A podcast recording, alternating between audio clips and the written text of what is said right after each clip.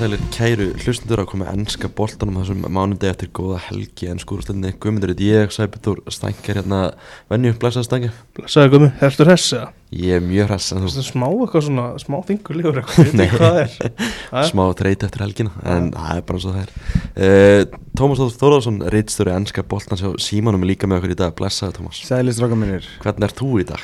Herru, ég er bara nokkuð góður sko. Það er svona ansi grátt yfir Mhm. En uh, maður er bara svona eða fullur uh, Sko sálinn er alveg tindrandi björt Eftir tvær bilaðar helgar í röð. Já, rosalegar helgar í ennska boltanum, það er komað jól, spenntu fyrir jólun Herru, mjög uh, fær rafvirkja á morgun Til þess að ganga frá hérna Hellubornum mínu og opnunum sem er mikilvægt Því að án þess þá get ég ekki elda jólamatinn Ég var svona farin að hóta því að fá lánaða svona single hellu hjá pappa og vera bara með hérna kótulettur í raspi. Eh, sem er enda verið sko, er herrmanns matur. En hérna ég er nú svona spenntari fyrir hrygg og kannski eitthvað um gútsitt karteflum sko. Já, væri, væri það nú Já, en kótulettur í raspi alltaf príma matur sko. Þú verður ekki bara hendi í grillið, bara eldgamla. Herðu, það er eiginlega að sagja að segja frá sín en ekki og ég er að Nei. geima líka sem sagt hérna, ég fekk geitalari frá hérna, og mývarsveitinni í gær frá Mm. henni Raflildi Gestóttur, drottningunni þar og þrjú bref af mývarsilungi og ég er að geima það í grillinu það er svona geimslu það er svona geimsla mín út á sölum Já, sko. þannig að já Þannig að nú er fólk miklu nær um svona heimilislífið mitt Mm. Það sem náttúrulega maður tengjur í jólun líka er náttúrulega bara ennski er, þetta, er, þetta er svona besti tími ásins í ennska boltanum Og sérstaklega líka af því að í fyrra þá var ég bara allar helgar einhvern veginn á okkurum jólamarkuðum og eitthvað því að það var náttúrulega heimsmeistaramótið í fótbolta í fyrsta sinn í, í hérna bara sögunni sem að það var ekki enski boltin um jólin en til þess að, að bæta upp fyrir það þá jú fengum við og erum að fá sjö umferðir frá 1. desember til 1. januar þegar þessi hérna þegar þessi skemmtilega geðviki endar með, með stórleik Liverpool og, og Newcastle á nýjársdags kvöld svona rétt til þess að reka smiðshöggið á þennan, á þennan stórkostlega mánu og þetta hefur farið afskaplega vel á stað og ég myndi segja að þetta hafi svona eiginlega hlýtur aðeins að hafa bjarga svona fótboltalegri geðhelsu landans eftir þetta umurlega landsleikjarlið sem hann var síðast með. Mm. djúvöld var það langt, þetta var eins og svona fjóri mánuðir. Það er mjög langt. Og fá mér að leika aðfangadag og allt sko. Og gamlos og gamlas fyrsta sinni í hvað, er þetta ekki 20 okkar ár sem að leikur á, á aðfangadag Já. og hérna, er ekki Arsenal líka að spila á gamlos, ég held það. Chelsea held ég. Nei, á gamlos, sko, það er að já, Chelsea já. á, á aðfangadag Jú, Arsenal fúlam á gamlasta ekki amalegt. Og fá líka tóttar um borma algjör veisla á Mhm. gamlasta það verður náttúrulega bara ógeðslega gaman að að fylgjast með ennska boltanum hátíðanar og það er ekkert eðlilega gaman að fylgjast með þessu núna náttúrulega Já, Þetta- búið er alveg frábært maður deildin er í svona algjöru ruggli sko, Mhm. bara, bara um helgina ótrúlega skemmtilega leikir við fyrir kannski bara fyrst í, í stórleikin Aston Villa Arsenal hann á Mhm. lögataskvöldi maður maður var þó leikurinn endi 1-0, maður var ekki svikinn af þessum leik, bara svona upp á skemmtilegt sko. Nei, ég, ég maður var svona mikið í aðdraðanda leiksins að peppa skilur þeirri geggjaðu leikur og svona, veist, allt það því að maður það náttúrulega að selja þetta og var náttúrulega ótrúlega spenntur fyrir þessu því að náttúrulega engin ég, held að fáum hefði órað fyrir að þarna eru liðin í öðru og þriðasæti þegar við vorum svona allavega að keira inn í mótið. Uh, síðan náttúrulega hefur vilja bara unni sér inn fyrir því að vera að tala um það allavega akkurat í dag sem sko title contender sem er alltaf algjörlega trillt. En sko þetta var ekkit leikurinn var góður og hérna hann var, náttúrulega- var mjög taktískur því að Unai Emery er svona gæði sem er alveg tilbúin til þess að, að spila bara upp á það sem að þarf í hverjum leik hann heldur alveg í sín svona prinsip en þið sáðu alveg að það var ævintýralegu munur á því hvernig Aston Villa spilaði til þess að móti Manchester City og síðan Arsenal Mhm. þeir fóru bara nánast skilur gung ho bara guns blazing alla leið og bara bökuðu englansmestarana maður hefur aldrei séð svona veginn Nei, nei, ég meina, þú veist, ég meina Pep Guardiola var að stýra svona 568. leiki í mestaraflokki og hann hefur aldrei áður fengið jafn mörg skot á sig sko. Þú veist, það er bara það sem Aston Villa afreika á miðvikudagskvöldi. En síðan bara lágu þeir tilbaka og voru bara að sparki í búka og saka og heldur bara línu sinni aðeins aftar. Náttúrulega framar, eins framarlega og þeir gátu. Mhm. hérna, en leikurinn varð svona, þú veist, Aston Villa tók svolítið svona tók svolítið tempóður þessu, þau vildi ekki fara í sama flæði, þannig var engi breyting á byrjunleginu, frábæra skiptingar frábæra svona taktískar aðlæðanir hjá húnæ, en svona þetta var allt, allt öðruvísi leikur og með grunaði aðeins að þetta gæti orðið svona, að þeir myndu reyna að halda þessu svona, í svona eins og ég sagði í lýsingunni, svona smá start-stopp. Leifa Arsenal ekki að komast í eitthvað, í eitthvað flæði því að þeir hefði aldrei getað 180 mínútur gegn City og Arsenal með þryggja daga millibili eins og þau spilaði á móti sitt sko, En ótrúlega vel uppsett Fekk alltaf minni tíma en Arsenal fyrir hennar leik Degi minna sem munar á þessum Já. tímpúnti sko. Og ofan á það var Arsenal-lið sem mættu Alveg talsett betur manna heldur en City-lið sem mætti Þannig að það hefur kannski sett að haft áhrif á uppleiki sko. Já, og öruglega bara fundist þetta meiri líkur á að, hérna, á vinna Arsenal Mhm. svona heldur en að hérna, auðvitað var hengum hefði svo sem dotti í huga og þú gætir unni sitt í yfir höfu með að spila við á fótbolta? Þú veist þannig, við Nei. ekkert vanir því að, að sjá það. En, en þetta var, þetta var, hérna, þetta var hrikalega vel uh, uppsett hjá, hjá Emery og Já. sá er að sanna sig viku eftir viku, helgi eftir helgi, leik eftir leik. Og því að þú veist, in-game managementin var líka geggjað, það var búin að gefast upp. Það var svona tveimur sendingum og sett fannst mér að taka Esri Konsa út af, þá er ég eins og Sinchenko sendingum, slapp með það. Og það var kannski aðalega því að það vantaði það vantaði alveg brottinn í sóknarleik Arsenal. Já, þeir hefðu á svona any given Saturday afternoon sko hefðu alveg getað unnið hennar leik. Mm. því að framist Arsenal var ekki slög alls, ekki, ekki, Mm. og tölverð betri heldur en í mörgum af þessum útileikin sem þeir að spila en, bara aftur, hrós til Aston Villa hinum gerði þetta bara vel og svo hérna Martin Ödegard fær náttúrulega þeirra bestu færi. Já, uh, auðvitað á hann að skora í setnafærinu Mm. en ég menna shit happens, þú getur skotið framhjá erfitt skot, hann fær hann á vinstri frá vinstri. En hitt hitt náttúrulega varslan hann í fyrirháleik maður bara sem mikill aðdáandi markvarða.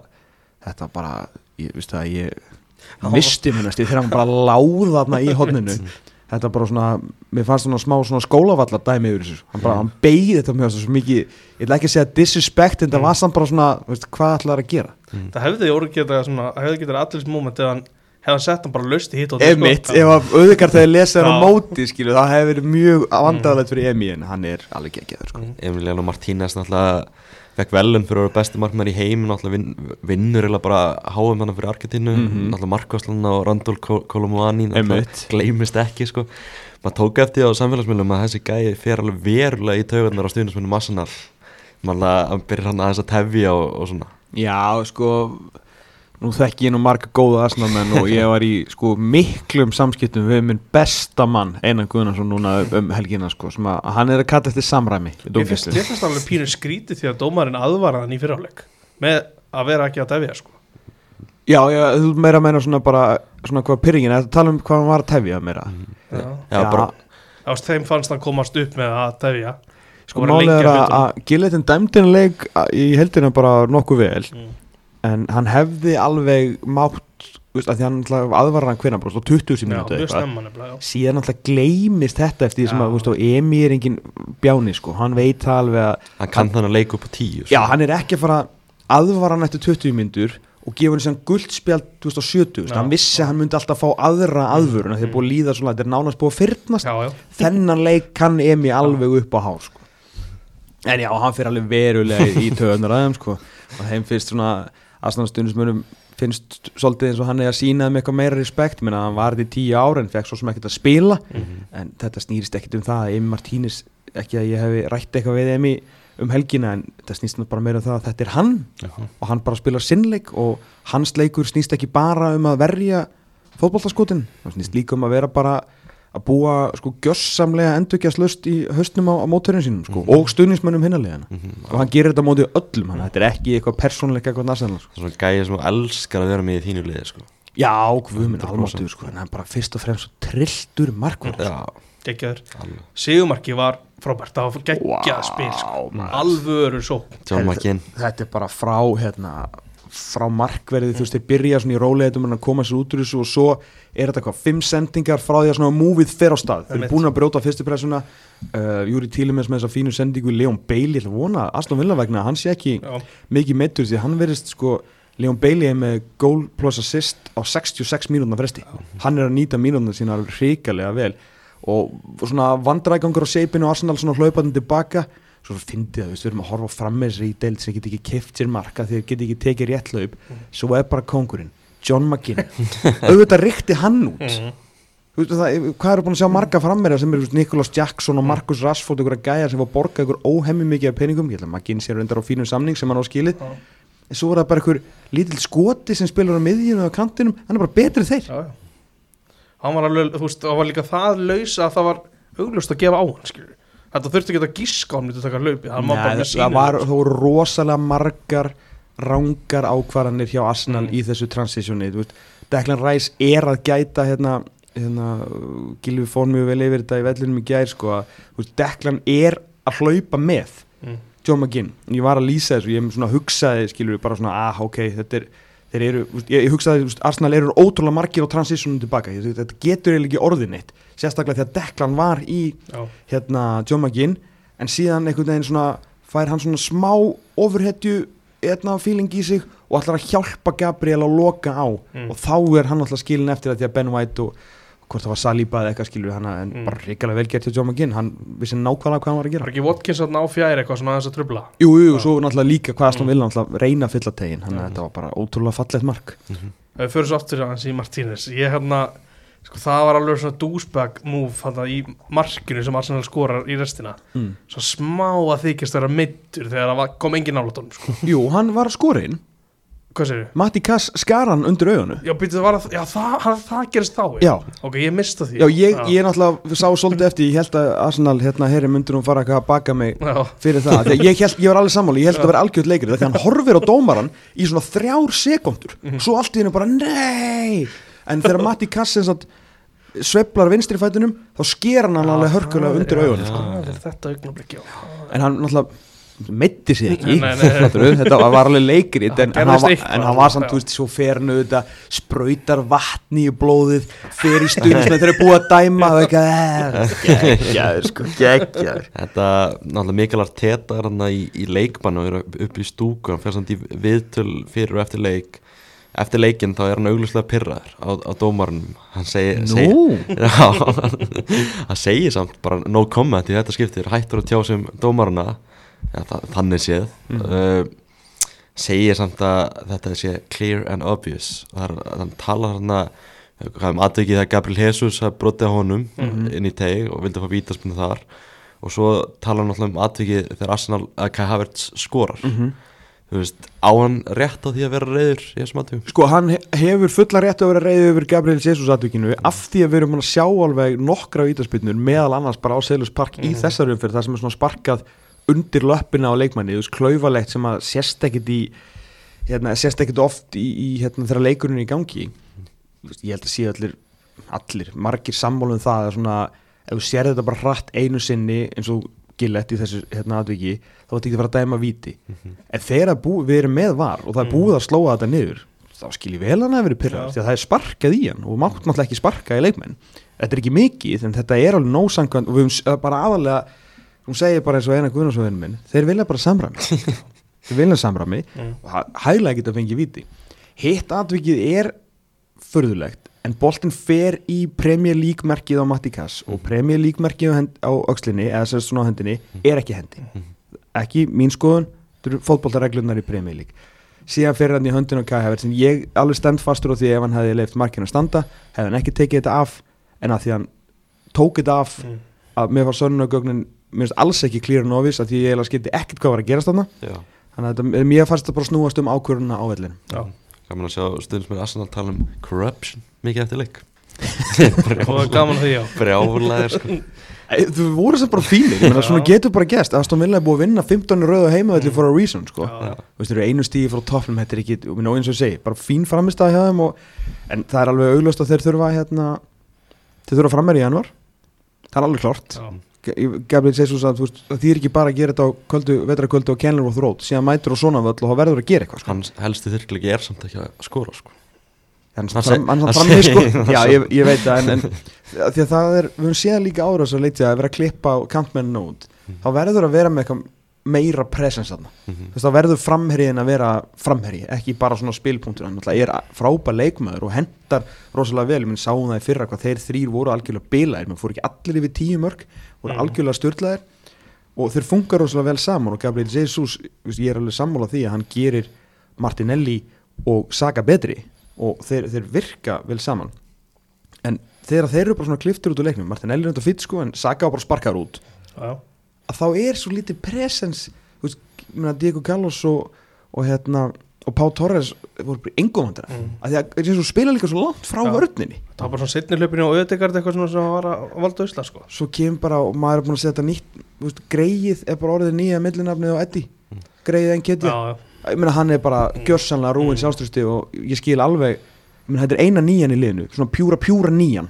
Gabriel Jesus, ég Mm. kalla hann meiri tíu þá hann spila hann fram mig það er tíu myndir eftir þegar vantar mark og Arteta eða Stöðumberg þeir höfðu í raun og veru engan áhuga að setja hann inn og það er bara verið skrítið að gera það ekki.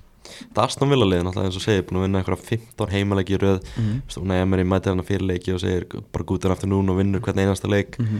Þú veist, Hvað er þessi gæði búin að gera? Veist, Hann er búin að, bara búin að gera eitthvað rosalegt Það er bara hrikalega vel reikin klúpur Við heldum framan af að hann hérna Jóhann Lange yfirmaður knarspilmála sem að Jói Lange Já, Jóhann Lange Heitir heitir hann ekki Jóhann Lange? Er Hérna, Daninn sem kom frá FCK Getur vel verið, jú, jú. Að hann hann hitt ekkert á öll kaupin. Það voru, þú veist, Marvolus, Ankamba og hérna, hvað hitt hann ekki? Vestley, hérna, Já, þegar allir, allir voru hann að kaupa Mm. sér brasilíska framherja, Newcastle gerði það sama en föttu ekki að vera miðumæður en svo svona sumir sem voru skildir eftir meðal annars eitt besti miðumæðin í dildinni, Douglas Lewis. Hann bara tók smá tíma að detta hann inn svo Jóhann Lange hérna færður upp í, í hérna eitthvað global sports da, da, da, og hvert var hann, hann er farin eitthvað Ekki Tottenham, jú. og þá fáður inn hérna uh, náttúrulega bara besta vinn Unai, Monsi. Mm. þannig að þeir og það eru kanadin sem að reikana klúb verðast nákvæmlega vita hvað er að gera. Munið þegar hann hérna bandarækjumæðurinn kom þeir eru seldu uh, Grelis og var að útskýra Moneyball já, dótið já. þeir eru keftu þrjá leikmenn en the aggregate þetta var bara eins og Moneyball atrið þeir eru keftu Leon Bailey, Búin Mm. Og einhvern veginn viðbútt Gekkja myndband sko. sturla minn band Já, sko myndband. ótrúlega bandarist hérna, þetta er bara vel leikin klúpur það er vel keft inn aðna uh, og síðan er hann bara óslega góðu þjálfari Mhm. menn það er lá- þetta er með 177 rángstöður Mhm.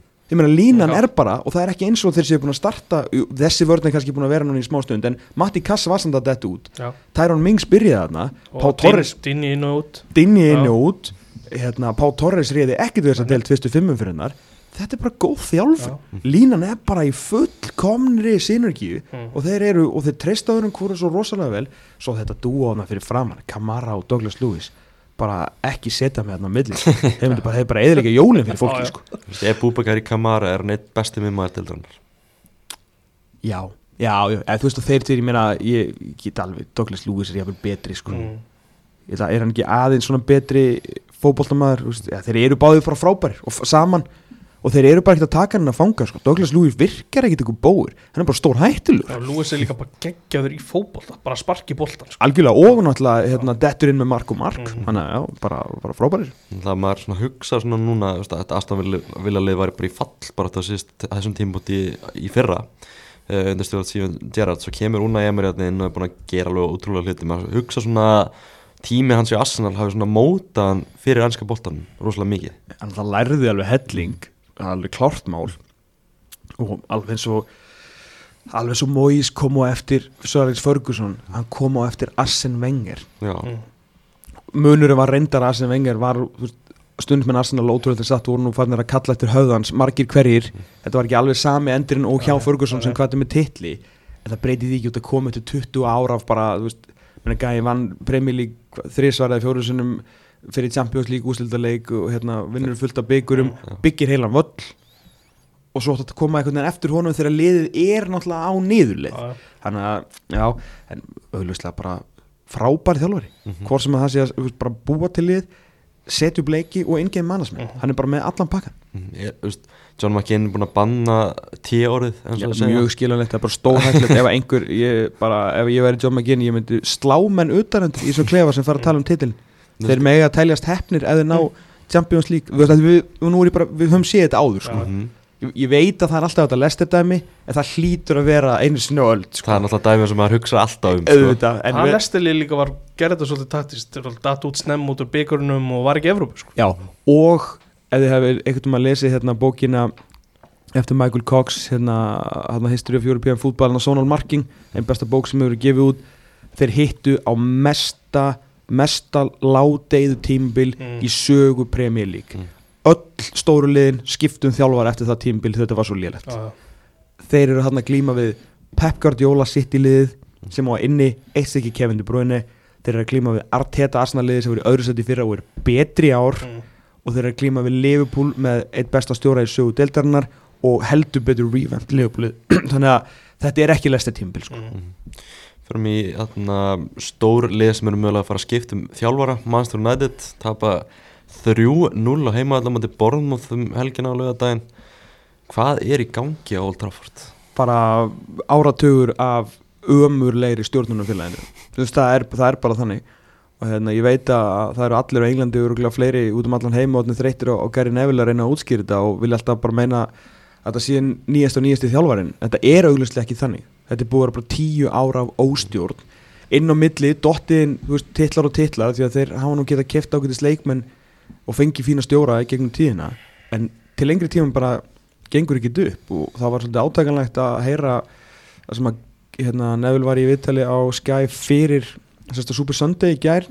Og þá var hann að tala um peningana sérst, hvað er skulda öðrum félagum 300 miljónir, þú veist, eru með þú veist, hérna, 200 miljónir punta, nei 300 miljónir punta þú veist, fyrir leikmenn, skilur, sem er aðeins eftir að borga þú veist, bara í installments. Og hérna, það er einhverju, skilur, 700 miljónir punti skuld og þú veist, þeir eru bara eitthvað einum og hálf, ein, hvað það er, 1,2 miljardir punta, þú veist, undir. Mm. Hérna núlinu eitthvað. þetta er bara eitthvað æfintilegt sem að útskýri það náttúrulega að þeir eru alltaf að fá bara eitthvað kall á láni komin, og hann sagði líka að þeir eru komin FFP þólmörkum Mm. og þá ertu náttúrulega farin að detta inn með stórbrotna fótboltakalla eins og eins og Sofian Amrabat og þú getur náttúrulega ekki byggt neitt til lengri tíma það er enginn í um að knaspöndumóla ég veit að, þú veist, annarkvort þessi Richard Arnold eða, eða, eða Darren Fletcher á að heita en þeir eru það ekki John sko. Murto er John Murto.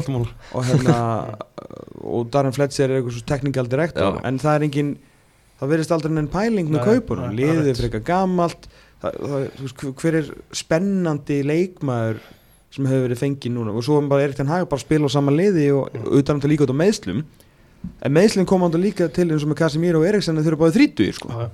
Þannig að eðlilega hvar verður frammyndun mála? Af hverju bara Tottenham allt í hennu með Destiny og Doki, Petro Porro Bissuma, Sarro og allar þess að gæja? Ég veit að Ans er búin að gera góða hluti að endurvekja suma þeim en hinn meginn er ekki neitt. Nei. bara ekkert. Og af hverju er Sofjan Amrabat að spila fótbolta fyrir Manchester það bara er kjössalega ótrúlegt því að það Bjarni var við að sagði í vellinum í gæri bara topp þrý lélegasti leikmaður síðan tíu árin fyrir United. Og maður svona og bara, herru, wow, er það ekki bara rétt eða? það getur bara vel verið og, er ekki bara mögulega bara lélegast það er bara skrítið líka að því að liðið var að finna eða fá inn ungan og efnilega strák sem að var að spila frábæla mútið Evertón Jú, hvar var Koppi? Ónætt að vara þetta maður er ótrúlegt maður er bara þetta, þetta, þarna, þetta, þetta tengi sko gleisefegum ekki Nei, ekki Nei, neitt. bara þeir ráðu þess ekki sko. Nei, nei, þeir þetta er bara. ETH og líka bara Scott McTominay og Kobi Mænu fá að spila allan leikin það er bara ótrúlegt sko. Sko maður Tóminni, hann var og hver segir samt? Sofín Kombi sko. Sko, sko maður Tóminni var svo lélugur ég hef bara sjaldan síðan aðeins. Hann hitti hann var ekki saman hann er alltaf alltaf, jafn- viljur Já. en hann var bara ekki nógu góður í fótbolta til að gera eitthvað í þessum leik. Og þeir eru startað þessari miðju með, hérna, með McTominay og, og Amrabat. Mm. hérna, fyrir aftan Bruno Fernandes. Maður bara, þú veist, greið Bruno. Ég veit að hann er veist, umdeldur fyrir að vera eitthvað með látbrað og svona, Mm. en hann er náttúrulega ekki bestileikmann í mannstjónið hann er langu bestileikmann í já. mannstjónið og þeir væru örgulega á svipuðum stað og Chelsea ef hann væri ekki hann inn Mm. en bara, hver á að senda hann á hann? Amrabat er náttúrulega ennþá held ég að snúa hann eftir fyrsta markið. En svo til að minka sko fótballtilega þá höfum við Luke Shaw í hafsend og maður er bara hvað er í gangi? Gaurinni er í alvörunni því ég veit að þetta er mannsturinn í held með liðinu hann er satt eitt besti vinstribakur í heiminum. Það er bara þannig. Þá er hann bara settur í hafsend af því að Rafael Varane getur ekki fengið að spila engi veit af hverju. Johnny Evans er endar á bekknum það hefði ekki kannski verið neina átíð en samt betur en að vera með annan fíl í herbygginu er ekki loðan inn á sko. Já, að fær lánsmenn, þetta er ekki hægt þetta er svo góð punktur. Hvað er í gangi þetta er bara tíu ára af óstjórn komin og þeir hafa aldrei einhvern veginn náð að stoppa þetta. Það er bara verið að sprauta peningum á vandamálið. Gleymum við ekki að Louis van Gaal skilur fekk Bastian Schweinsteiger á, á sínum tíma? Það var frábær ákvör að, hérna, veist, að vera, þessir kallar hafa verið að komin Já. auðvitað hafa síðan komið inn í minna Bruno frábær kaup uh, maður er svona með, með Rasmus Højlund sko, maður er svona Núl mörg en þá sko. Það er bara fínt að fá Rasmus Hóland kannski bara ekki sem fyrsta kost fram þetta er bara eitthvað framtíðabæling en Já. svolítið dýr framtíðabæling en Já. samt já, já, en uh, þetta er maður sér að það er eitthvað annars sko.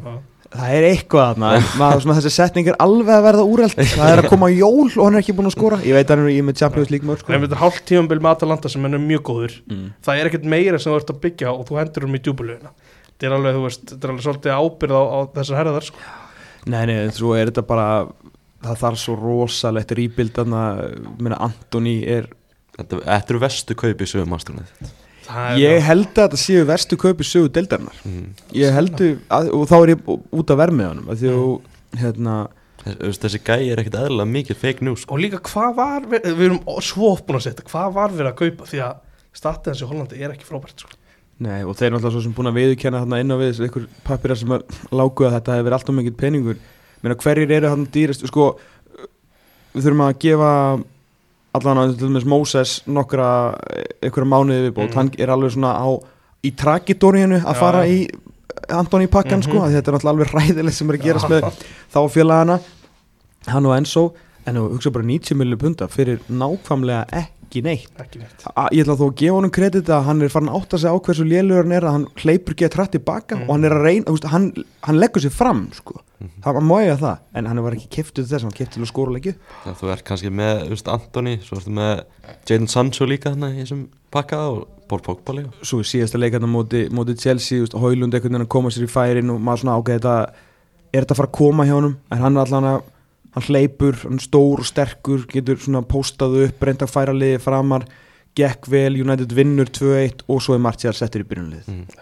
Það er, það er auðvitað besta dæmi um svona lélega stjórnun hjá Manchester United. Antoni Martial endur speklar allt sem er að Manchester Já. United það er bara þannig, í, bara hann hann er holdgerfingur þess sem er að þessu stórmerkilega hérna, knasputnufélagi síðustu tíu árin. Og hann er einhvern stór hluta þessi, er hann ekki áttund ára Hann er búin að vera þannig síðan hvað 2015 Já. Já. Já, áttund ári Fengið hvað, tvo nýja samninga hjá Manchester United? Mm. Þetta er alveg ótrúlegt dæmi sko. Ég var að heyra að Mónaco er hægt að dreyma Já, um Ballon d'Or, já, klásuluna Já, já, hvað er það, 5 miljónum pundi viðbóta? Já, en hérna, sorry þegar hérna með Bormáð, þeir voru algjörlega frábærir. Íri Óla verðist alveg vita hvað hann er að gera. Við vorum með hérna smá svona tölfara upplýsingar fyrir leik til að sína hvað, hann var eins og hann var bara fattað ekki alveg um hvað deildir snýrist. Munurinn á liðinu frá 1 til 10 og 10 til 15, eða núna er þó 10 til 16 Þetta er stórbrótið mm. og það er bara, þú sérð alveg að hann einhvern veginn fattaði um hvað deildin snýrist þeir eru fannar að hlaupa meira, þeir pressa meira pressa betur uh, og þeir eru bara betri öllum sviðum leiksins en þeim fjóra sýra í síðustu fimm. Já Bara, maður held á tímabundi að hann er þið fyrst stjórn til svo reikin Já, eðlilega, þeir gátt ekki raskat framan af sko. En hann heldur, að, heldur betur búin að rífa þetta í gang Og, er og hann var ekki að rífa þetta í gang með einhverjum, stórstjórnum, sko, þetta er bara sömu leikmennir Mhm. en hann bara, hérna fattaði einhvern veginn hvernig hann átt að gera við og þeir verðast trúa á það sem hann er, hérna, er að selja Kom á Old Trafford þar sem að United var með yfir fjóra í XG og þær fengi ekki eitt gott færi, bara lokuð á Mm. Það var gerðist ekkert United, ger, bara gerði þetta virkilega verið bólmað sko. Ja, Þú veist, horfum að prógramið sem er framöndan hjá United. Það er Bayern og svo Liverpool Bruno Fernandes er í banni gegn Liverpool. Gerði það bara mjög viljandi að fara í bann. Já, ákvað, vil, vil ekki mæta þangað annars getið í röð. Já, er ekki bara, þú veist, hann var, endar, hann var hörmulugur á móti Leopold hann í bara sem að var eiginlega ástæð fyrir maður vildi ekki að hann er í fyrirli bara þegar hann gafst upp eins og aumingi Ég er búin að fara tvist á Liverpool United. Mm. 4-0 og 7-0 og við erum að fara á sunnundaginn Ég er bara ég veit ekki hvort það er eitthvað annað í kortónum en þú veist, eitthvað 3-4-0 Nei, en það verður ekki bara bara 11 menn að tegi og þetta fyrir svona 2-0 Nei, aldrei að fara að fá veist, þetta er bara Fáum núra alltaf fyrir me- til reyningisækja United fær alltaf meira á síðan tvö mörg sko. En er það svolítið að treysta á að Liverpool hlaði í svona framistöður sem móti Palla sko. Við þurfum líka sko að heyrða rýbándin, því Onana er mjög góður að verja svona út í tegin bara. Reynsa. En ég, veist, ég er að horfa hérna á prógrami United. Ég hugsa að þetta séu bara núlstig í næstu fimm leikum Einstu 5 Já, Já, ég mast að vilja hann á hörnundu í jóla. Já það Ég var orðin mjög peppaður að fara sko. Útið heima? Heima. Það er tap, það er E- tap. og er að fara. En það er ekki hátegisleiku vestam næstu helgi? Jú, útvöld Nei, að hérna aðra helgi. Þólagsmessu Það er tap Nei, vestam er nú ekki, ekki spes. Já, mér er alveg saman Það er Olbí völlur Það er, það er erfið völlur að fara á. Já, ég það er alltaf erfitt í dag. Nefna Chelsea, það var ekki droslega Nei, nei Og svo hann Nottingham Forest Þannig á 30. des. Það ættu nú að hafa það. Útvöldi Þeir eru góður á heimavalli sko. Verður Wood frammi kannski, Chris Wood? Á hverju þetta verður þetta brass? Það var þetta brass. En þú veist, Erik Ten Hag Náttúrulega að United sé í sjötta seti Með 27 stig og mínus þrjá í markatölu Þetta er náttúrulega bara ótrúlegt Og þarna bara á ekki að vera satt sko. United er búið að spila það illa á þessu tímabla Þeir eiga bara að vera í neðrlutum Já, ég er bara alveg sammála því Þú sko. veist, Erik Ten Hag, hversu lengi fær hann að lifa þannig starfi? það er ekkert mikið lengur held ég Ég, að það er bara svo erfitt að, að að segja menn, hvernig, hver á að koma inn og hvað á sámaður að gera hann fær alveg Martial upp í hendunar Já, ma maður svona maður hann fær Markus í hendunar, hann fær Antoni þú veist, þú fær ekki að koma með leikmenn með þér, eða þú veist, þú getur vissulega gert eitthvað í janúar. Og þú veist, í janúar er glukkin veit, hvað, ég, má United gera mikið? Er ekki eitthvað að Nei, bara ætla að vera ekki einhverjir good shit lánsamningar Já. Fáum eitthvað neðastrakar já, það væri gott að fá eitt svona sterkan. Er Sko, Fulham er núna búið að skora Tíu mörgur sér Nei, fengið Fulham, heitur. Fulham er búið að skora 16 mörg í síðustu fjórum leikjum. Mm. Já, Manchester United er búið að skora 18 mörg í síðustu 16 leikjum. Já, já. Og ég var að fara að tala um eitthvað annað. Þetta er alltaf- ótrúlega dæmi sko. Ótrúlega dæmi að þeir séu þannig í sjötta seti með framistu tíðinbúli Er ekki búin með 40 mínútur og 2 leiki? Jú. Ætlaðu að vera þetta fram á kvöld? Eða hálftíma. Já, Eh, Fyrir enn maður þess ræður yfir hérna líkina uh, Krista Pallas 1 Leopold 2 Þetta var mjög áhugaverður leikur. Uh, Leopold ansið miklu basli sérstaklega í, í fyrirálunum er bara búið að taka 180 mínútur á þess að vera sko líkir sjálfur sér en vinna á báða það bara, það gera meistralli Þú máttu takka allir fyrir, fyrir það að þeir voru ekki hana í, Já, fyr- þakka honum bara fyrir að vera til. Því að hann er stórkostlegu markmaður og ég er svona alveg að fara að hlaði hann sé ekki bestur undir langbesti markmaður heim Nei, ok, Emi er ekki langt aftur, hann er geðvikur Mhm. Herðu, hérna hvað, fyrsta skoti, er ekki fyrsta skoti bara salaskotið? Jú, Eða hvort að það var skot 2 á markið? þeir áttu alltaf ekki að skota marki í fyrirháleik sko. Nei, uh, hérna En hann er brotið hann í fyrirálunum á Vatur Endo sko, Mér finnst það heldur soft sko. þú getur ekkert gert með var Mhm. þetta, er alltaf, þetta er alltaf brot í var en ef ég hefði verið dómarinn sem hefði verið sendur í skjáin ég hefði hérna sko öskrað á vardómaran Mhm. bara heyrðu, erum við ekki í Premier League hvað ert að senda mig í skjáin fyrir þetta bull gæðin var búin að vera í algjöru brasi þarna Mhm. Uh, allan leikin og átti ekki skilið að fá þessa aukaspilni einhvern veginn gefins bara því að hann snýri inn í Vilhjús. Ég er samanlega því. En, á end, svo, en að sjálfsögðu ert komin í var hann kemur aldrei upp veist, þetta er ekkit rangur dómur. Sko. en þetta var bara svo mikið veist, það var svo mikið var svo soft sko. Og þetta, man finnst einhvern veginn ekki að vara í að vera eitthvað að pæla í þessu. Mhm. Þetta, er- mér, já, ég samanlega með að þetta er soft Svo fær Krista Palla svona víti í Snemma í seinnálinum eins og tölum maðan Þetta var svona sparkar einhvern veginn undir, undir fætunar á honum. Já, já. Þetta, þetta, þetta voru svona eitthvað þrjá fjóra mínútur hana rosalega lengi. Þetta var þessu. rosa spes sko. Bolti fór ekki út að hann þurfti bara að flauta sjálfur þarna að í restina. Já, en réttu dómur Leopold lendir hann eitt og ég segi bara eins og eina guðna bara þau vilja bara samræð Já, uh, eiga eiga þá leifbólmenn að vera svektar eða aftur? ég veit ekki. Uh, Leopold lendir hann eitt og lendir Roy Hodgson var svektu með dómaran hann að Jordan Æjúf fær nefnilega tvö gul spjöld. Já sko og annað rautt. anna þar. Hversu oft ég veit ekki hvort það er tekið eftir þessu leiktíðin eða menn eru að standa svona fyrir boltanum. Og ekkert bara þessari leiktíðum séu þetta oft í fólkvöldu þegar menn eru svona vísvitund að standa fyrir boltanum í einhverja svona 1-2 sekundur Mm. og leikmaður hinsliðsins þetta var líka Aston Villa Arsenal sparkar honum í hann Dómarinn gerir alltaf hætt strákar, hætti þessu. Og, og nennir ekki að fara að gefa guldspjald.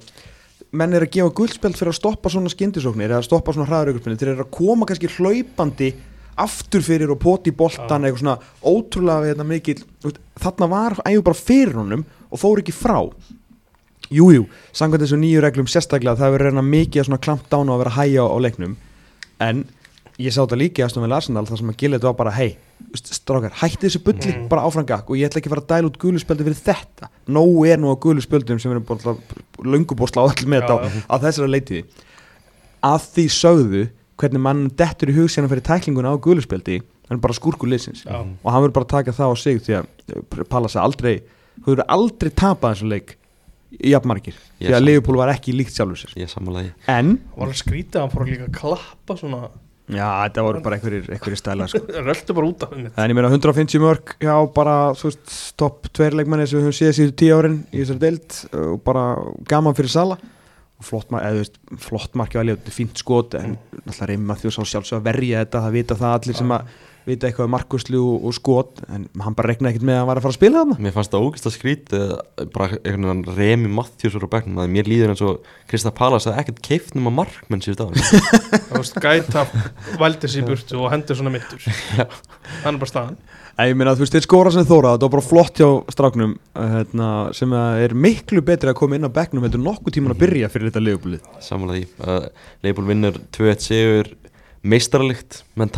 Samanlega því Leifbúl vinnur 2-1 sigur meistaralikt menn tala þessa gömlu meistaralikt Já, 100% með þennan sókna hér hérna frammi uh, þennan markvörð Virgil van Dijk er náttúrulega bara aftur orðin 2021 van Dijk eða Mhm. hvenær sem hann var bestur. Ótrúleg bæting á Virgil van Dijk á milli tímbila og þá skiptir eiginlega einhver máli hver spila við hliðin á van Dijk mm, þegar að, þú veist, hann er að spila svona. Þú veist, þú bara, það skiptir engum máli. Þú getur bara tekið eitthvað á bestu deildinu og þeir getur plumað sér vel.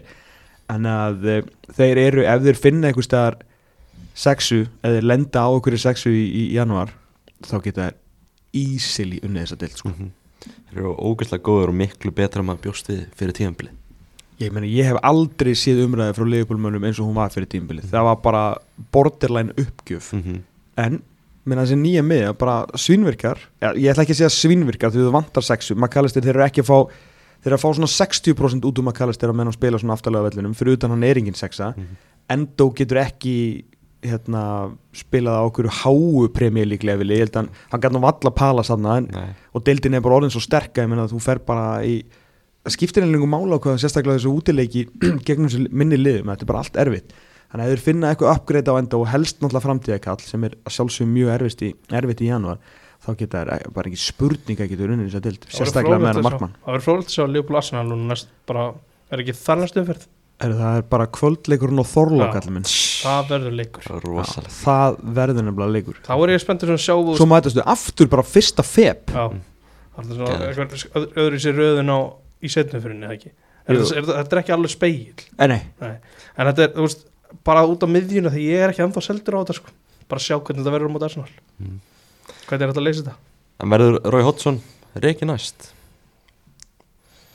Ekki skrítið einhvern veginn grenjan aftur inn Mm. hann bjargar þeim og rúmlega það uh, hann hættir en þeir eru samt sem að vera tilbúinir í að leifa honum halda áfram þegar hann hætti við að hætta og svo rekan Mm. mm. er þeir ekki bara eitthvað í 13. sætið eitthvað, mm. er þeir ekki bara fínir samt að trenda niður á við sko já þeir eru náttúrulega ekki unnið í síðustu sex Mm. á endanum getur þetta ekki þetta endist ekkert en, en ég veit ekki hann er nú búin að ófum meðsli hann hefur þróskast mikið hann hérna myndalið hérna, strákurinn sem áta Mm. gleym alltaf hvað hann heitir. Parish Chris, hana, Steve Parish. Steve Paris hann er, hann er miklu róleri heldur en hann var. Já.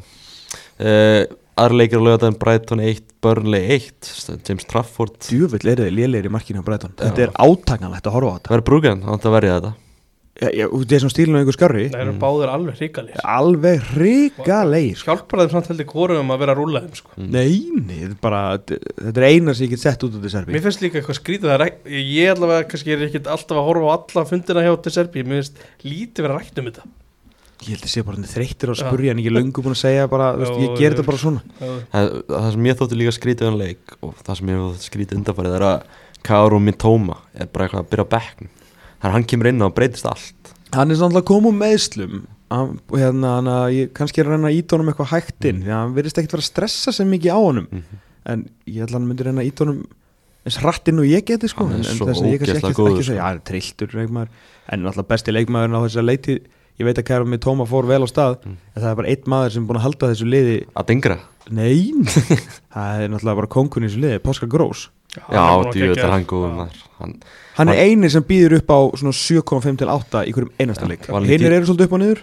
Hann í Þískar landsliði fyrsta sinn held ég fyrir þessu ári. Í alvörunni, Já, sá á skilinu Já. ógeðslega góður. Uh, En náttúrulega maðurinn sem bjargaði stíðinu fyrir Burnley í þessum leik var James Trafford. Hann átti sér langbesta. Loksins drengur. Ó, það var komið tími til. Mm. Sá er búin að eiga erfiða daga í, í byrjun tímabils en hann var sérstaklega undir lokin þegar Brighton börn átti aldrei að fá stík sko, undir lokin. En, hérna, en það var gaman að sjá Trafford, meina, er hann ekki verið 19 eða eitthvað, hann er svona alveg Tvítur held ég. En tvítugur.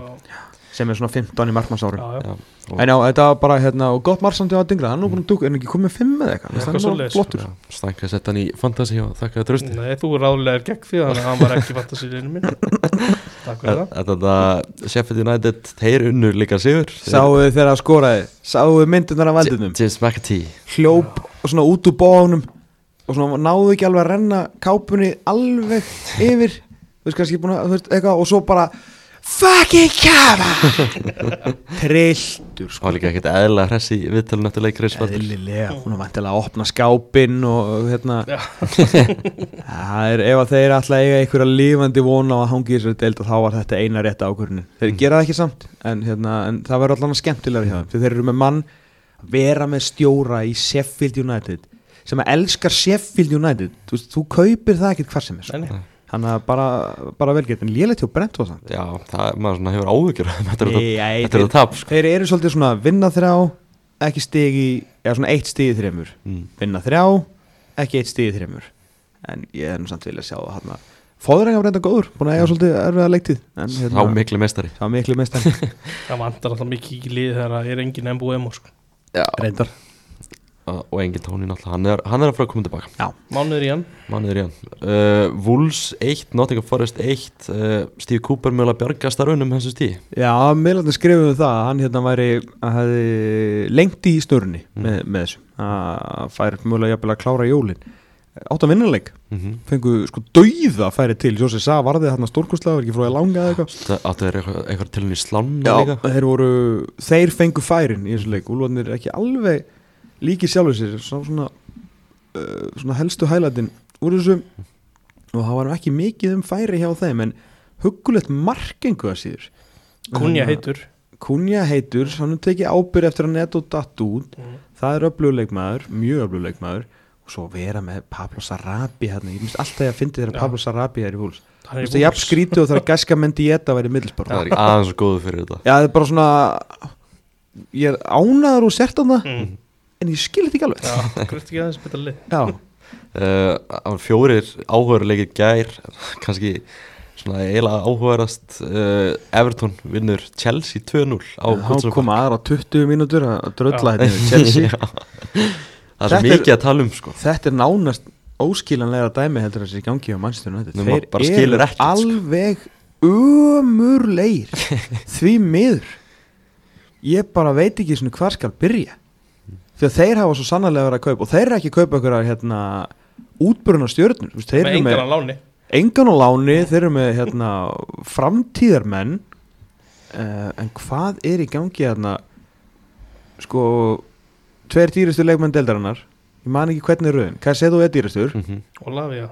Nei, en svo Er ekki Lavia líka bara er frá þeim, sko. 50-60 ég er þrýr held að hann væri dýrar Já, er þeir 1 og 3, er þeir 1 og 2 1 og 2 held ég er Deklan 3, Já, já þeir eru bara tveir dýrastu það- leikmenn í sögu það held ég sko. Deklan geti kannski verið dýrar en enn svo Ég heldur að við báðið þið kosta 105 já, segjum 1 og 3 mm. þeir geta ekkert. Mhm.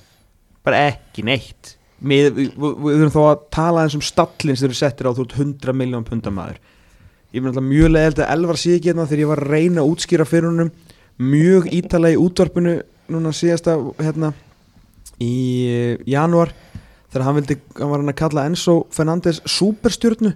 Já, þetta virkar ekki svona bara þóttu eigir eitt gott HM það vissi engin hver að var á hann að koma á HM sko. það hvað átt hann einhverja 11 leikið með Benfica eða eitthvað? Já, ég segi það, en var frábær. Já, já, síðan kemur hann inn erum 100 miljónum pundum þetta fer af stað en hann er engin súperstjarnar sko. Langt, langt, langt því frá uh, hvað ég segi þá líka ég skil ekki alveg hvað þeir eru að gera þarna saman. Conor Gallagher sko hann er rosalega viljur en svo bara stundum ræður hann ekkert við sig. Og eins og síðasta leik, eða þar síðasta leik þá er hann alltaf að fara raukt því að hann ræður ekkert við sig.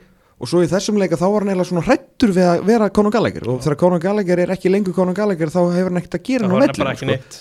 Uh, hvað ætlar að gera við en Kungo og hann að fara fram? Bjarni sagði að hann fari beint í, í nýjuna Það hlýtur að fara Er það ekki? Já, úr þessu, ég, hef- ég hef samt haldið að hann væri til í að hérna, hafa en Kungo fyrir aftan þá Jackson, ef að Jackson væri einhvern tíman á réttum stað, hvernig hann er búin að skora sexmörk er bara, það er Það ansóknar ég veit sko. að komin alltaf þrenna á móti tóttinam þegar þeir voru sexarninn Leik sem hann átt að skoða 7-8 reyndar sko. uh, þá reyndan Armand að brója í, í þessum leik og þá var Störling farin á bekkin þetta er alveg afskaplega skrítið allt saman. Hvert var Robert Sanchez að skuttla sér í þessu marki og Antonio Kúri það var aðteklisvært mista hann því að Levi Kolvill var að dekka nærhóttni að því að Kolvill er svona tveir fermetra sko, þetta er risastór gæi. Það, veist, það er svo mikið aðna, ég bara, ég nægjur sig Ég hef vel að mest gaman að því að Kukureya sé komin í hægri bakur Það er bara hvernig færðu þá niðurstu út úr öllu sko. Náttúrulega Rhys James, maður svona því miður, þetta er bara minna, leik, þetta er stórkostlegu leikmaður, mm. er hann ótrúlega góður en þetta er bara tveir leikir, einn og halvu leikur spila, fimm leikir frá þetta bara gengur ekkit upp og Nei. þeir þurfa að fara bara setja einhvern annan fyrir hann, þetta, það gengur ekkit annað. Þetta er ótrúlega að segja þetta mikil, mikil slúðs að eitthvað í sumar að Real Madrid sé bara búið að ganga frá því að fá hann næsta sumar. Mm. Held að þeir muni skoða eitthvað annað. Já, ég held að þeir, þeir fara eitthvað annað í þetta. En það er einhvern veginn engin svona heldarbragur á þessu en svo þeir eru gera góða hluti. Þannig að það er mögnu tölfræði við þetta lið að þeir eru sko í tíundasæti við skota markið að þeir einhvern veginn eru aldrei á réttum stað á réttum tíma. Eins og við nú oft verið að sína ykkur í, í vetur í umfyllun okkar að, að, að, það er aldrei neitt inn í teig. Nicholas Jackson er aldrei á réttum stað og þegar hann er á réttum stað þá klúrar hann. Þegar þeir voru sko, komandi inn í umfyrirna þetta er svona smá gummul, þetta er einna viku gummul tölfræði í tíunda seti við skot en í þriðja seti XG Já, sem að þýðir náttúrulega að þeir eru loksins mæta á boltan að þá er það að fá trillt færi en get ekki nýttu. Þeir fengu alveg nóga opninu mútið United í leiknum á undan. United átti aldrei að vinna það leik. Bara ótrúlegt.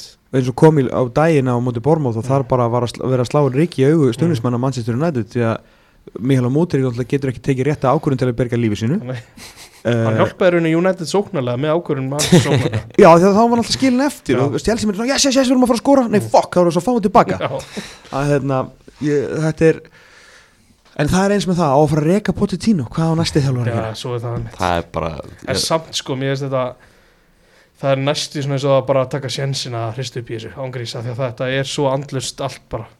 Já en sko leikmennir eru áfram hérna, á, áttara samlingum þeim er alveg jafn sama hver þjálfar þá Það er kannski spurning hvort að, þú veist, er þetta ekki í gamla klísan bara röttin eitthvað, þú veist, fá nýja til þess að reyna eitthvað, skilur Ég get ekki látið að fara. Hann er, hann er góðu knaspindi Já, það er sínt það sko. hann er hérna Nei, veist, meina, hvern, eins og segir sko, hvern ætlar að fá þetta inn í, inn í staðin það Pot, sko Potterinn áttur, Já, þetta er Serbi? Þetta er Serbi.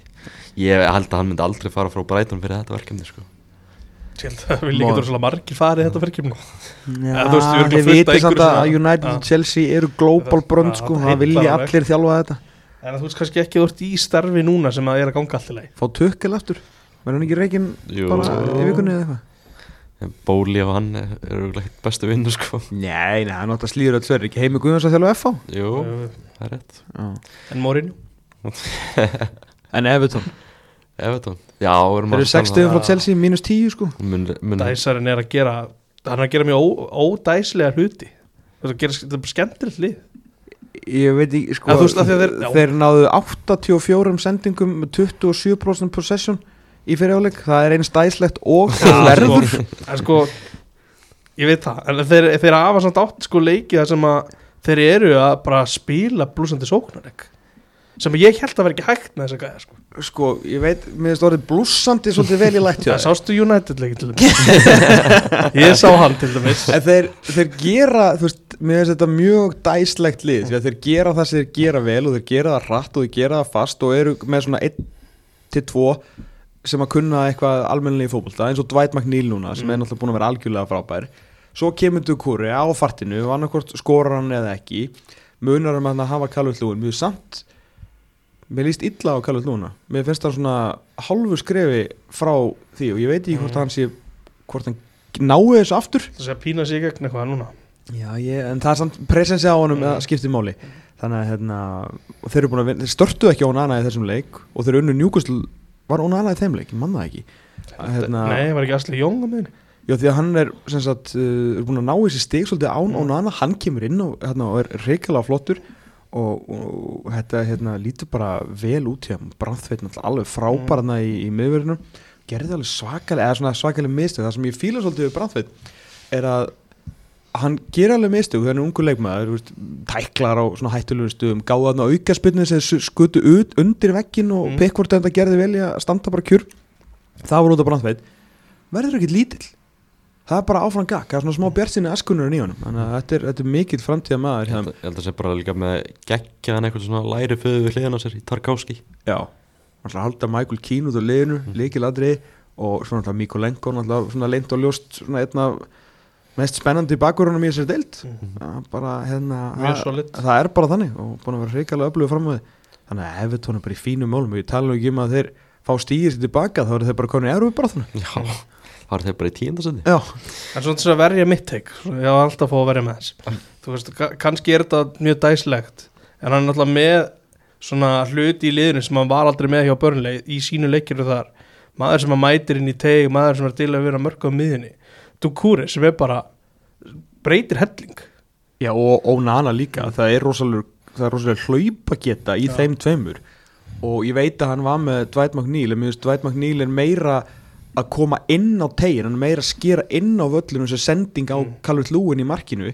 Hjá hefði hann bara farið upp á hotfána Já. og Asli Barnes og Chris Wood hefði bara beðið inn á teig, skilju, þannig ég skil alveg hvað það að fara, hann er að nýta möguleikan í efutónliðinu betur, Mitt. en aftur á móti er hans, Já, já. stígur hann fast til jarðar þegar kemur að varnarleik. Hann er þetta, þetta tilbaka. Já, mjög þettur sko uh, Fúlam, þeir eru búin að, eins og segja, búin að raða inn mörgum í sístu leikin Ráli mennið Hann er vaknað Heyrðu það er svo mikið stemning hjá hérna, sem sagt, ég veit að ég ætla að giska að fólk sé ekki að fylgjast mikið með hérna, premjölíku umfjöldunni í Mexico en það er sérst Paramount Plus sem eru með það. Mm. og stórverður minn Rodrigo, Rodrigo uh, og Lara eða hvað sem hann heitir eh, merkilegu sem að hérna þar. Hann er sérst búin að vera einn núna í mörg tímbil hann er sérst svona einirki, hann er bara með vel og hérna svona live view græðu og selur sér bara út og hann er sérst að vinna fyrir Paramount Plus og hann er alltaf búin að vera bara síðustu tvö ára eða eitthvað alltaf bara einn eitthvað að tala í myndalina og allt í góða, það er fullt af E ESPN -i líka eða þau eru enda búin að bæta við núna öðrum Herri, það er svo mikið stemning eftir að hérna, Jimenez kom tilbaka Vestam kefti hérna, Alvarez. Alvarez Mm. að þeir voru fyrst sko, hann fekk aukakall með sér svo voru þeir fimm á hérna að því hann alltaf vest, þeir unnu alltaf vestamundaginn Mhm. og þar voru þeir held ég fimm líka. Og svo bara fóru þeir ekkit heima svo gaman þeim að þeir voru fimm líka núna. Það sem að Mexikoðanir eru og þeir sko voru fimm að fjalla um Fulham hérna Já, fórustundaginn og vestan núna Já, það var vestam núna, já, Já. sorry, það var þess vegna voru þeir fimm, af því að þetta var svona Mexikoslagur Já. og svo náttúrulega kom híminnes í viðtal til þeirra á algjör veistla í mexikoska sjónvarpinu, sko, þannig að það er sannlega Mexikost voru í gangi en þeir voru, ég vil er góðum að Já, góðir. rökkva í gang sko Fúlam, Já. ég með bara fullt af flottu leikmörum þarna, ég veit ekki alveg svo er þið bara einhvern veginn var allt í skrúni, Silva var að fara, Mitrovic fór Mhm. Inn með hérna, frammerið sem var ekki búin að skora í tvö ár fyrir hann, ekki alveg sanngjarn sko, hinn gæðin skora hans við 30 mörg í öllum gefnum að hérna, svo eru þeir bara kósi hérna með að deilt ég er bara, þeir eru bara komin til að vera. Það var, þú veist, Vestam slegnir samt alveg harkalega niður á jörðina búin að vera fínir undanfinn sko. Já, þeir spila þannig fótbolta, Bjarni var nú að benda á því í gæra þetta, þú veist, þeir get ekki náð ykkur alvöru rönni, þeir fara valla yfir miðju sem er, held ég, ég væri orðin smá pyrrar, ég væri stunni sem að vestam því að það er svo mikið af góðum leikmönum þarna. þeir hafa gert vel í innkaupum Mm. en þeir eru ætla bara að vera 30% með boltan og verja svona svakala, það er svo mikil orki í þetta, þú nærði einhver rönni Mhm. það er náttúrulega óþar að vera að tapa þú veist, 5-0 og eitthvað skilur við en, hérna, þeir bara þetta ég er betri stjóri, ég er mikill móismæður mikill Íslandsvinur David Móis sko, bara með tengingar mm. Okkur, okkur þykir öllum vendum Móisa Choice- Chosen one sko. The Chosen One, hann er var náttúrulega Evróputitil og búin að gera flotta hluti þarna ég er hrættur um að þeir þurfi eitthvað svona eitthvað í rála dæmi til þess að taka næsta skref. Mm. ef þeir ætla að halda áfram, því mér er svo flott hvað eru duglega að kaupa leikmenn. Bara fínt vel manna lið sko. já, ég, þeir eru með Jared Bowen Kutos, Antonio Alvarez og James Ward Prowse allir saman liðinu. Og og paketa Þú veist, Manchester United er ekki með svona marga góða leikmenn Nei. Og Susek, Susek. Klöts Já, við erum að tekka hérna vagnar, Kúfal reyndar hann skallaði henni eigin þetta, það var bara En já, þeir eru hérna þeir fúlamliði, þeir eru, eru flotti sko, gaman að horfa á, þeir bara hjóla á þetta. Ég held að þeir hafi verið kannski ofsáttir með að hafa tekið sér þrjústega mútið tóttina Vestam, aðeins svona. Það fyrir bara svo mikil orka í að spila svona. Mm. Það fyrir miklu meira orka í það að vera ekki með bolta heldur en að vera með bolta Ég segi að þú kannski bara búnir á því sko. Já, pottið. Um, um svona þrjúleiti í ger þá var maður farin að hafa verulegar áhugjur af Man City. Bara hvað er í gangi það voru 1-0 undir á móti Luton í háleik en Mhm. þeir kláruðu þann? Eftir að Ross Barkley breyttist í Sheridan Zidane og pakkaði saman Bernardo Silva og Rodri. Hann er búin að upplöðu sko. Ross Barkley? Já. Já, og, það og Townsend. Já. Þetta er bara, þetta er lánsamningu tímabilsins að fá Townsend bara frá Talksport og hann aftur inn á völlin Hérna, já, ég er sammála því, þeir voru en Luton líka gaf þeim leik, tökum ekkit af Luton því að Luton voru, Luton menn Nema, voru frábæri þú ferði ekkert á Kenilworth Road og áttu auðvitað að leika sko. Nei og þetta var ekki tilvílun hérna, við náðum ekki að sína þetta í gæri og bara svona ran out of time en við vorum með mjög flotta svona pressutekningu hérna frá þeim að þeir bara setið bara komst ekkit áleiðis. Ég veit þeir fengu alveg færi, þetta er Manchester City sko, en á svona öðrum degi hefur kannski fengið svona 15 döðafæri en þeir bara komast aldrei í sók því að Luton gjörsamlega hérna bara hjælti og svo náttúrulega eru þeir með nánast borderline svindkallan í markinu í Tómas Kaminski. Svona ekta markur í liði sem fær á sig 20 skot í leik og, og ver svona flest og verða líka vel, hann er ekki að verja út í teig hann bara ver boltan hann til hliðar að grípur hann. Uh, Jósko Guardiol ræður ekkert við að spila sem vinstri bakurur. Það er bara þannig, Þetta er bara búið þar. Því miður. Þetta er enn eitt skiptið, ég held að sér nú að koma svona þrjú ef ekki fjögur mörg fyrir utan öll færin Mm. sem að koma bara í gegnum hann því að hann veit ekkert hvort hann er að koma eða fara hvort hann er að setja press á leikmannin eða ekki eða bara hreinlega fýblaður upp á skónum. Þetta gerir það líka verkum að varnalína Master City sem hann stoppa bara alltaf á markteg og leifir mönnum ekkert að komast hvenær skora menn á, á markteg hjá Master City? Bara mjög sjaldan sem það gerist. Bara stokkið yfir Já. Ruben Díaz og, og næstu í Adebayor náttúrulega með þetta fína mark. Já, ég læði sér Adebayor uh, og bara ótrúlega vel gert hjá Luton þetta liði alveg það verst stór furðulega. Mm. sko, svo náttúrulega gera það vel í, í setni hálfleiknum og hver kemur um að bræðið, jú, jú, besti leikmann í liðinu, Rodri, nær bara í boltan svo bara er hann svona eins og jarðýta, Mhm. hann bara ber boltan upp inn í tegin og ég var mjög pyrraður því að Bernardo Silva hafi nýtt þetta færi að því að annars hefði þetta verið fyndnasta víti í heiminum. Já, já, já.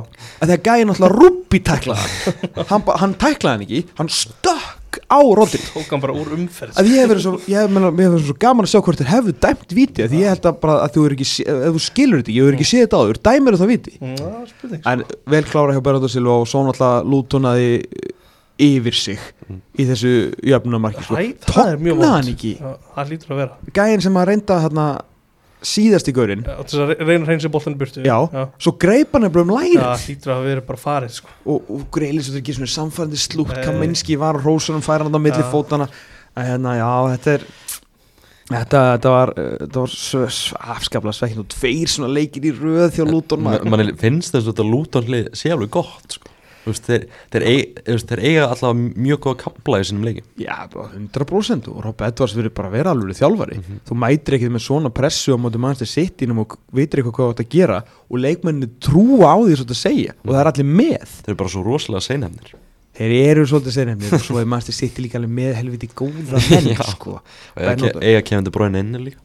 Já, það er eins gott að þessi setning sko sann verði hérna að rætist fyrir Manchester City því að ég hlakka svolítið til að sjá þegar maður nær andanum mm. klukkan svona 20 og 2.30 á nýjáskvöld þegar þessi törn verður búinn og, og hérna maður fær smá pásu til að reyna að endur enda titilin á mestramötu TBR 7. janúar Mm.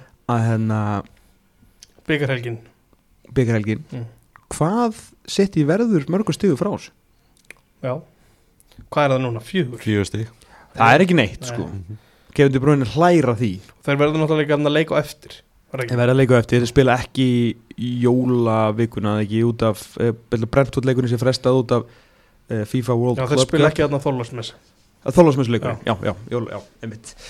Þannig að það- verður svolítið, svolítið áhugavert og þeir eiga náttúrulega fleirinni líka. Ég meina, það verður ekkit herstin spurst núna til hans Wolfstráks uh, Núnes. Núnes, Hann spilaði hennan leik. Hann spilaði hann leik. Luton. Ok, svo er þetta datt út hérna Það kom alltaf inn á það ekki Já. Ég er nokkuð.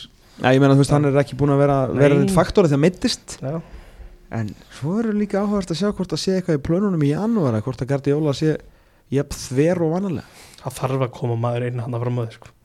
Það er Mm. bara Þeir með ekki lendi því að að Ríko Lúis þurfa að leysa af fannst flottu spilar en hann á ekki að vera einn af kannski fremstu fimm sko. Nei, það er alltaf lagi þegar hann er við hliðin á Rodri Já. og Rodri svona heldur í höndinu á honum Mhm. þá svínvirkar ekki á Lewis en ég er sammála þegar hann er í fremri tveim í kassanum góða. Já. en Það er ég held að deildin með þakka guði fyrir það að uh, þeir seldu Ilkay Gundogan. Já, án hans að væri bara veist, með hann væri, Já, Mm. já, Bruyne er meður Já. Ilkay, getur þú hérna? Þú kemur þess fyrir inn á þessu tíum Já, þá væri þið bara á topnum sko. Þannig að það fer, hvað rennur út á samningi Þannig að fer fríkt Jú. Jó, jó, bara langaði að gera eitthvað nýtt Já, já. bara, hann hérna bara þrennan kominn og hann var alltaf kósið að fara á nývang sko.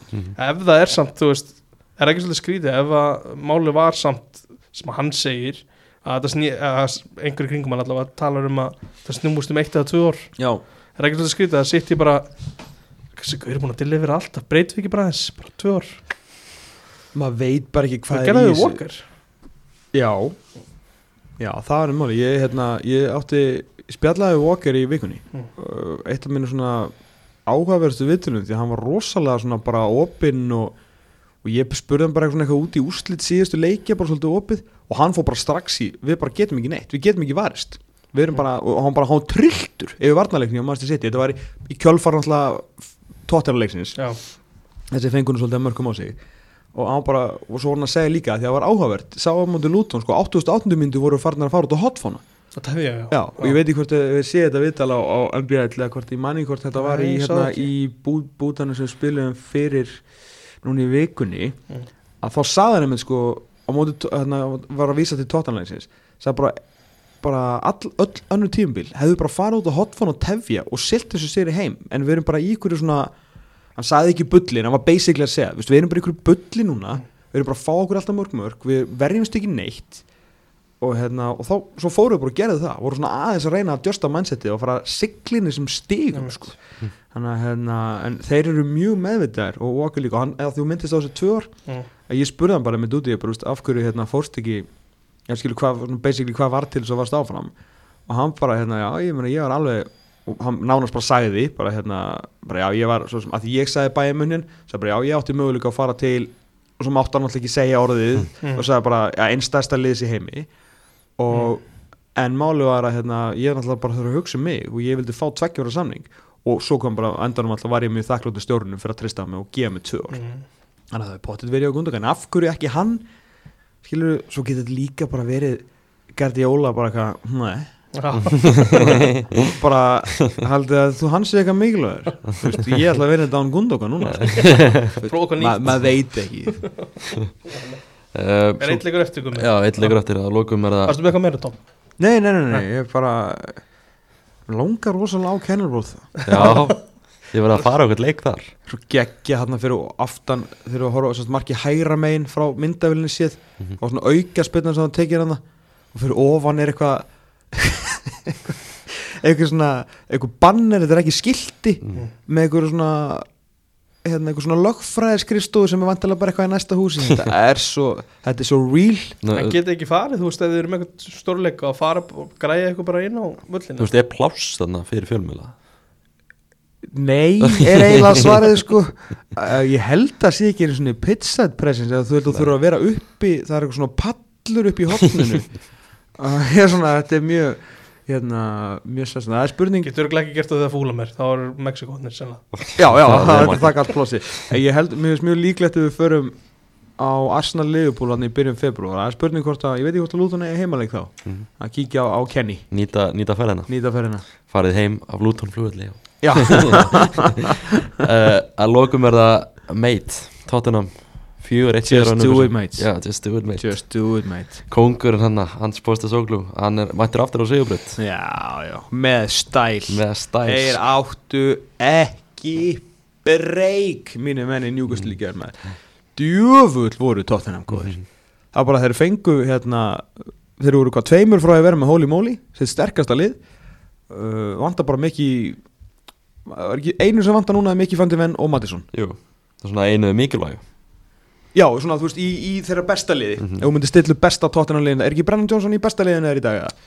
Jú, eða ekki Spurðum við Bentancur hvort hvað er, hvað er með hann? Neinin Hann er svo brotættur meina, þú veist, fremstu fjórir hjá þeim ég meina hérna Ritchie, Brennan Kulusevski, nei Kulusevski dettur náttúrulega, já, spurning hvort þú takir Kulusevski að brenna þegar Mattisson kemur inn já. Þeir voru alltaf með Kulusevski í byrjun tíðanbils já, ok, brennan er kannski svona hann er tólti maður. En já, þeir voru algjörlega frábærir. Uh, Ísby Suma er miklu betri með Papi Mattisar með sér, það er alveg kláttmál að hérna, það er bara miklu meira öryggi og honum líður bara betur með hann og miklu svona öryggar að snúa. Um, Destiny og Dógi, þetta er alltaf markað þetta er svo mikið ansmarkað, hann er ekki átt. Að Destiny og Dógi vinstri bakurinn sé hvað, fjórum metru fyrir auðvitað vítateg þegar hann fær boltan, snýr, setur hann á kant og hann tekur hlaupið inn á marktegin og skorar eins og frammeri algjörlega geðveitt mark sko. þetta, bara, þetta sér ekki, þú, þú sér þetta ekki einu svona frá peppliðum upp á sitt besta skilju þú sér þetta ekki, jú, ég reynda að sér þetta frá liðupúliðum kannski svona upp á sitt besta þegar Andy Robertson var að mæta á fjárstöngina og svona.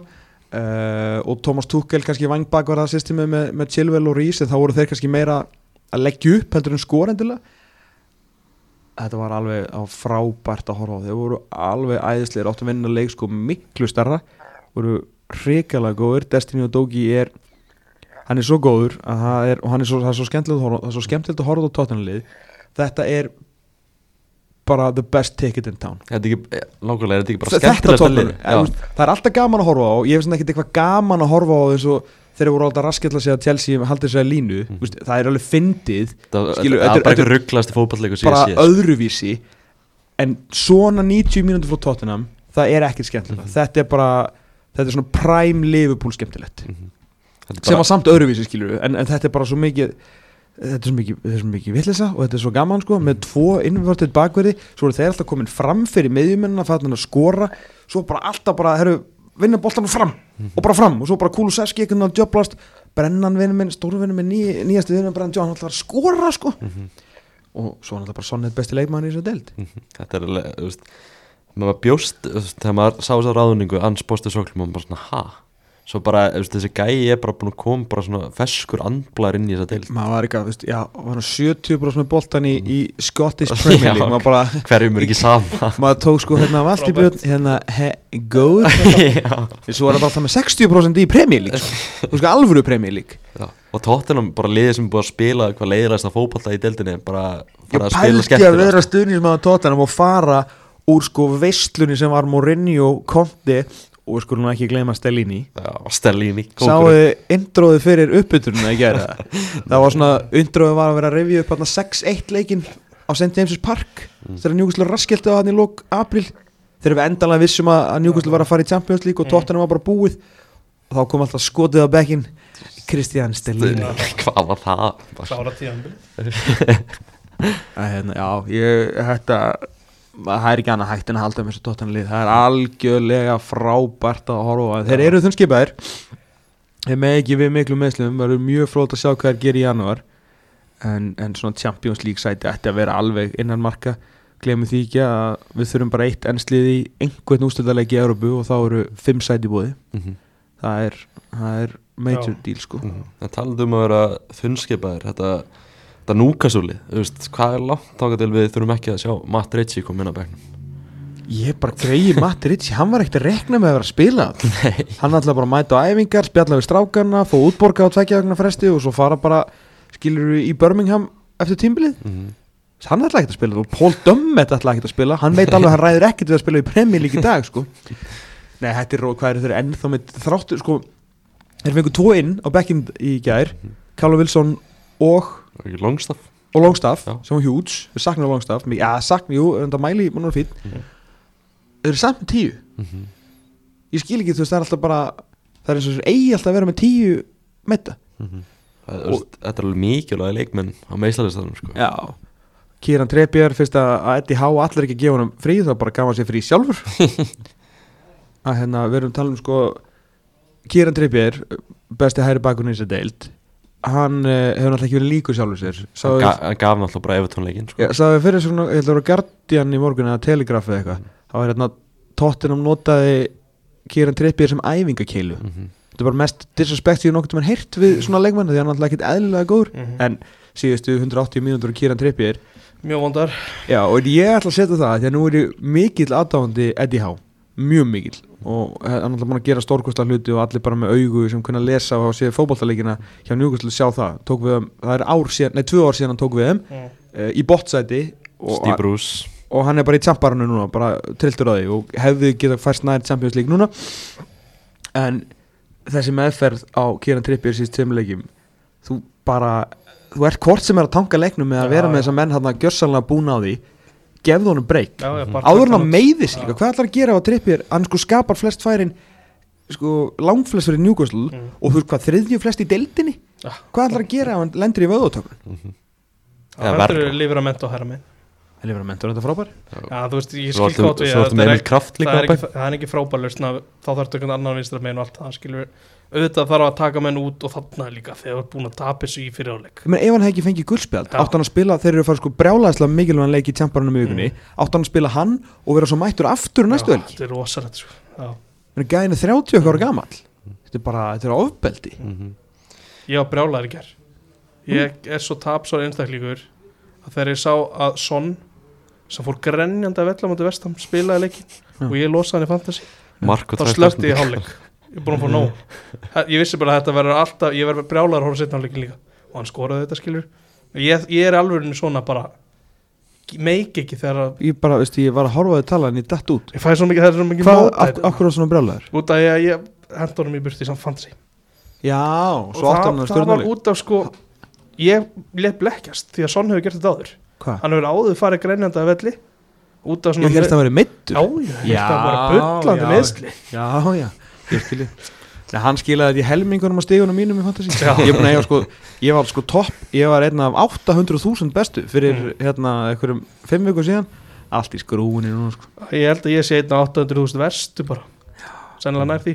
Mhm. fucking Haaland meittur og það lag út á lögadeginu þegar að Calvin Phillips tók fyrirlafandi af honum í fantasy. Sá miklu meistari. Og þá voru menn bara okkur það er eitthvað að, það er eitthvað að hérna. Og þá bara, hann er aktív fantasyspilari á, hann færðast ekki með liðinu maður er bara, veist, þetta er örgulega ógeðslega trikki átt stjóri bara, þetta er saman, þið megi ég ekki gera þetta sko, þið eru bara að leka upplýsingum í anstæðan, eða segja við þá hérna þið uh, fáið borgað óheirilega mikið magna peningum.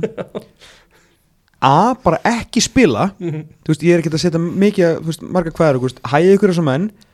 Ekki lendi í löggunni. Já, og ekki spila fantasy. Annað er ég bara nokkuð góðu með. Eða, hérna brjáluhuminn nota eitthvað annað nafn, já, svo er það veist Salvin Lilips til dæmis, eða Philip, veist, Philip Calvins. Veist, eða bara, veist Jack Doe, þú þarft ekki að heita bara Calvin Phillips og kennitalaðin svo eftir hann mannstu sitt í tóttina og fann einhver Simon Hooper lið. Og sá að hann var ekki með Haaland sem fyrirlega og það var bara kenni ekki hann, hann átti ekki að fá þessa stóð Ég fekk senda grein frá Arsenalmann í gær uh, þegar Jared Gillett uh, fór hérna mikill liðupólmaður svo náttúrulega tók hann markið að Kai Havertz og liðupól er á Jesus. Er þetta eitthvað samræmið? Ég bara verður að kalla þetta samræmi. Simon, Simon Hooper nú einn vesti dómar í sögu skórstæðunar Sá er lélur. Mér fannst það verst einhvern veginn að hafa, hafa verið settur á leik strax eftir sko. Já, er mjög Leopold Sheffield United já, bursið fyrir hvaða leikur það er mér finnst bara skrýta að hann var settur á leik sko. mm.